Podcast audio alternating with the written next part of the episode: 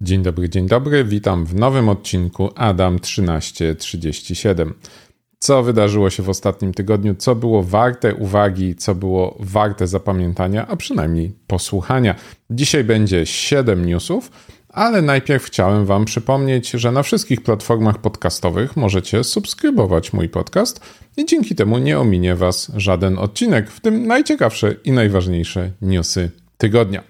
Wszystkie linki do omawianych tematów znajdziecie w opisach albo nagrania na YouTubie, albo podcastu. Tam więcej szczegółów, bo dzisiaj dosyć szybko, bo tak jak wspomniałem, 7 punktów. Zaczynamy od pierwszego, czyli szef bezpieczeństwa Ubera winny ukrywania incydentu. Bardzo ciekawa sprawa dla osób, które odpowiadają za bezpieczeństwo ponieważ e, jakiś czas temu dwóch hakerów znalazło klucz AWS-a Ubera, a następnie na tej chmurze znaleźli backup i w tym backupie znaleźli dane 50 milionów klientów i dopiero wtedy zgłosili się do Ubera z prośbą o wypłatę czegoś w rodzaju chyba można powiedzieć okupu za nieujawnianie tych danych pod przykrywką programu Bug Bounty. Ówczesny szef e, bezpieczeństwa Ubera powiedział, że no maksymalna wypłata to 10 tysięcy dolarów. Hakerzy nie byli zadowoleni, w końcu ustalili 100 tysięcy po długich negocjacjach, a przy okazji zmusił ich do ujawnienia swojej tożsamości, dzięki czemu zostali potem za to włamanie, co ciekawe, skazani. Natomiast sam szef bezpieczeństwa Ubera wpadł w spore problemy, ponieważ w trakcie, gdy ten incydent miał miejsce, w Uberze trwała kontrola regulatora a propos poprzedniego incydentu a sam incydent został ukryty i wyszedł na jaw dopiero, gdy hakerzy zostali skazani za włamanie, więc regulatorzy nie dowiedzieli się w trakcie trwania kontroli, że właśnie doszło do kolejnego incydentu i to dużo poważniejszego, bo w końcu mówimy o danych 50 milionów klientów.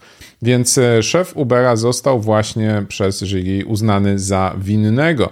Natomiast no, czy zostanie, znaczy zostanie skazany, na ile zostanie skazany, to bardzo ważna odpowiedź, bardzo ważne pytanie. Nie wiemy jeszcze, na to będziemy musieli dopiero poczekać, ale cała sytuacja, no, nie jest na pewno problemem e, formalnym to, że został skazany, bo ukrywał wiadomości przed audytorami, ukrywał wiadomości przed regulatorem, ważny incydent schował i zamiótł go pod dywan.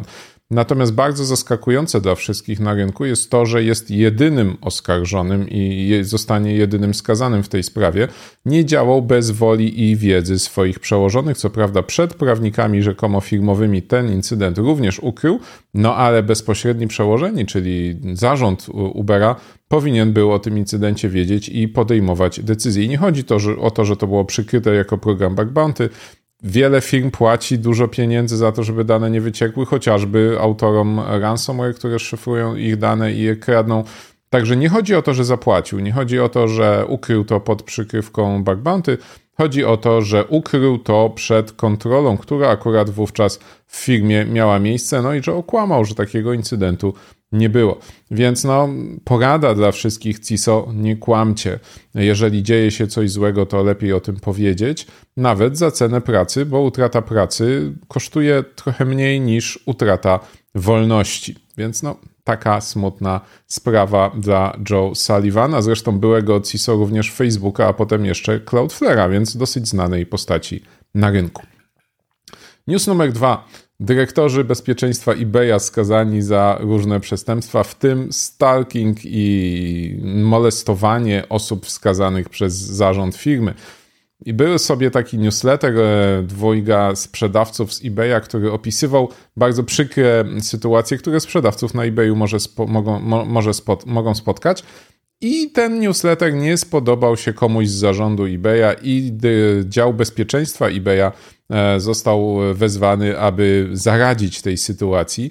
Tylko, że metoda, jaką użyli ci dwaj dyrektorzy wraz ze swoimi zespołami, no, były dalekie od etycznych E, osoby prowadzące ten newsletter, sprzedawcy eBaya, małżeństwo, dostawali anonimowe pogróżki, łącznie z pogróżkami, groźbami śmierci.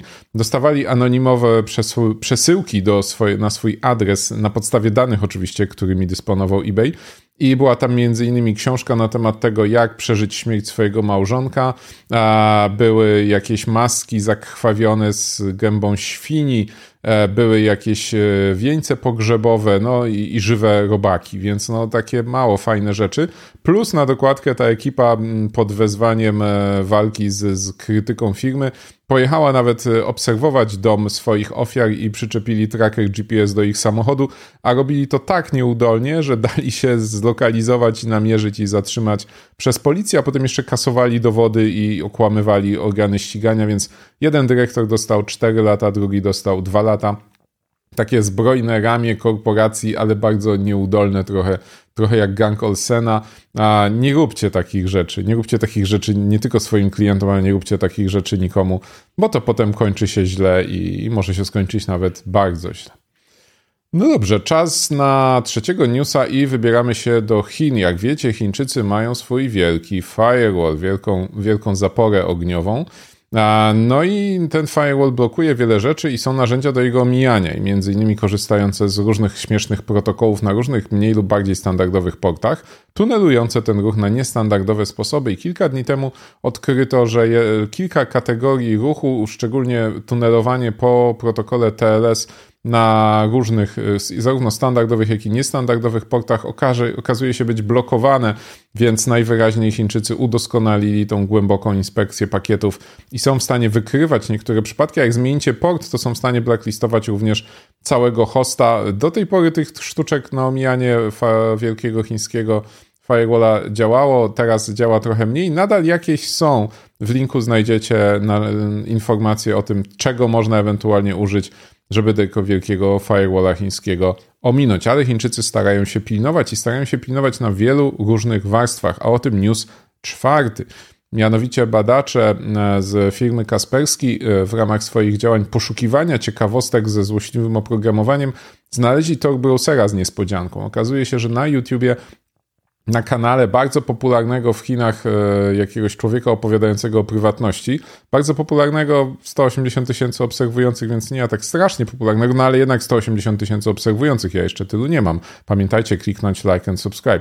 Natomiast e, no, na tym kanale pojawiła się instrukcja, jak zainstalować Tor Browsera. Browsera oryginalnego nie da się pobrać w Chinach z internetu, bo jest zablokowany, więc była lokalizacja alternatywnej instalki i ta alternatywna instalka okazała się mieć zmodyfikowaną konfigurację która powodowała, że ten Tor browser cache'ował strony na dysku i zapisywał historię przeglądanych stron. Ta, te wszystkie ustawienia bezpieczeństwa, którymi Tor browser różni się od, e, od Firefoxa, były obniżone tak, żeby te więcej informacji na dysku się znalazło, a dodatkowo był tam malware, który umożliwiał przejmowanie kontroli nad komputerem i pobieranie tych wszystkich danych, łączył się z serwerem CNC. No ewidentnie ktoś założył pułapkę na osoby, które próbują ominąć mechanizmy cenzury w Chinach. Na, na, szczęście ofiary były tylko w Chinach, więc nas to w Europie nie dotyczy, no ale warto wiedzieć, że takie rzeczy się dzieją i Tor Browser tylko z autoryzowanego źródła. I piąty news, bardzo ciekawy, coś o czym ja wcześniej słyszałem, ale nigdy się bliżej temu nie przyglądałem, a to jest bardzo interesujące, jak dalece przestępcy są w stanie zautomatyzować swoją przestępczą pracę. I mówimy teraz o bocie do przejmowania SMS-ów i kodów uwierzytelniających. A więc można sobie wykupić usługę bota. Bot działa na Discordzie i piszemy mu od kogo i co chcemy wyłudzić i mówimy mu, jakim językiem ma zadzwonić, łącznie z tym, jakim akcentem ma zadzwonić. Możemy wgrać własne modele głosu do niego. E, następnie, na pod jaki numer ma się podszyć. On sobie sprawdza, do jakiego operatora należy numer telefonu, na który będzie dzwonił do swojej ofiary, i z nami się komunikuje na żywo, jak ta ofiara, czy odebrała telefon, czy reaguje zgodnie z poleceniami. Tam automat rozmawia z ofiarą i mówi jej na przykład: No, pana konto zostało zhakowane, zaraz dostanie pan SMS-a, proszę przepisać ten kod na klawiaturze swojego telefonu. W tym momencie haker faktycznie loguje się na konto, klient dostaje SMS-a z kodem do autoryzacji albo na przykład przelew do autoryzacji. Przychodzi ten SMS i klient na tym drugim połączeniu jest w stanie odebrać jest w stanie przeklikać na klawiaturze, jeżeli da się namówić temu botowi e, ten numer. I ten numer na Discordzie pojawia się hakerowi, więc w pełni zautomatyzowane wyłudzanie kodów dwu, uwierzytelnienia czy, czy autoryzacji dwuskładnikowej, zarówno z aplikacji, jak i z SMS-a, no bo da się ten kod wyłudzić tak długo, jak to są cyferki. Także sprzętowy UBK jednak, jednak tutaj będzie lepszy. I szósty news. Złodzieje okradają złodziei. No w zasadzie tego bym się specjalnie nie czepiał, a, no ale jednak to w końcu złodzieje. tym razem podwójnie ironiczna sprawa, bo przede wszystkim zaczynamy od tego, że Web 3.0, e, które stało się już tak skomplikowane, że trudno odróżnić oferty prawdziwe od złodziejskich, od fałszywych, a szczególnie wielu użytkowników nie ma pojęcia, jak działają te wszystkie mądre umowy, czy też smart kontrakty. Nie wiem nawet, jak to dobrze tłumaczyć. Więc e, pojawiło się mnóstwo stron, na których pojawiają się oferty bardzo atrakcyjne, jakiejś dystrybucji tokenów za darmo, albo jakichś innych promocji, jakichś atrakcyjnych rzeczy dla potencjalnych ofiar, które następnie wchodząc na tę stronę i wykonując ten e, inteligentny kontrakt, pozwalając mu zarządzać swoim portfelem, tracą wszystkie środki. No i to, bo można było powiedzieć, jest do tej pory dosyć standardowa sytuacja. E, o niejednej kradzieży jakiejś śmiesznej małpki w JPEG-u za miliony dolarów pewnie już słyszeliście, ale tu pojawia się tak zwany szybki zwrot akcji, czyli z angielska plot twist, e, który powoduje, że pojawiają się hakerzy, którzy hakują te strony tych oszustów, i w ich miejsce podkładają swoje własne oszustwa, czyli zmieniają te portfele, na które trafią środki. Przy tym nie muszą się przejmować naganianiem ofiar, bo tym zajmują się oryginalni złodzieje, a ofiary, trafiając na strony oryginalnych złodziei, tak naprawdę oddają swoje środki tym złodziejom, którzy schakowali oryginalnych złodziei. Więc złodziej hakujący złodzieja po to, żeby ukraść mu ofiary, tak naprawdę ukraść środki ofiar. I to kilkadziesiąt takich złośliwych stron z podmienionymi portfelami, na które trafią plony z kradzieży. No, ciekawe, ciekawe. I ostatni news sabotaż kolei niemieckich. A wiemy, że dzisiaj, e, przepraszam, wyglądacie to co najmniej w środę. Wiemy, że w sobotę, bo nagrywam w sobotę. Wiemy, że w sobotę koleje niemieckie ucierpiały. Przez trzy godziny nie kursowały pociągi na północy Niemiec, ponieważ, jak donoszą lokalne media, ktoś przeciął światłowody i to w dwóch miejscach, bo była najwyraźniej redundancja. Więc mamy do czynienia z jakimś zaawansowanym atakiem. Technicznie trywialnym, ale zaawansowanym, bo trzeba wiedzieć, co przeciąć. To jak z tym mechanikiem, który bierze 500 zł za puknięcie młotkiem. 50 jest za puknięcie, a 450 za to, że wiedział, gdzie puknąć i jak mocno. Tu ktoś wiedział, jak mocno puknąć dwa światłowody i gdzie. W związku z czym udało się faktycznie uszkodzić infrastrukturę krytyczną i przypominam, że w jednym z pierwszych odcinków mojego podcastu wspominałem o tym, że we Francji doszło do podobnego ataku, tylko tam był to atak na sieć telekomunikacyjną jednego z operatorów, któremu również przecięto tam chyba w trzech czy czterech miejscach światłowody, więc jeszcze bardziej zaawansowana operacja. I również strategicznie wybrane światłowody powodujące, że część sieci komórkowej i internetu stacjonarnego w części Francji nie działała przez wiele godzin, dopóki brygady nie przyjechały tych światłowodów pospawać terroryści atakujący infrastrukturę krytyczną, walczący z cywilizacją, czy Rosjanie zmszczący się e, za pomoc dla Ukrainy. Nie mamy pojęcia, to jest bardzo świeży news, natomiast no, te ataki na infrastrukturę światłowodową są trudne, bo nie da się bronić setek kilometrów światłowodów jednocześnie. Można się tylko zorientować, że ktoś przeciął i mniej więcej w którym miejscu. Ale zanim tam ktoś przyjedzie, tam już sprawców nie ma, więc trudna sprawa.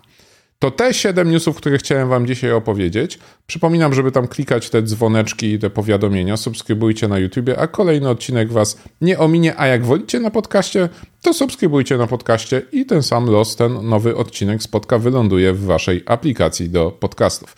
My słyszymy się w tym formacie już za tydzień.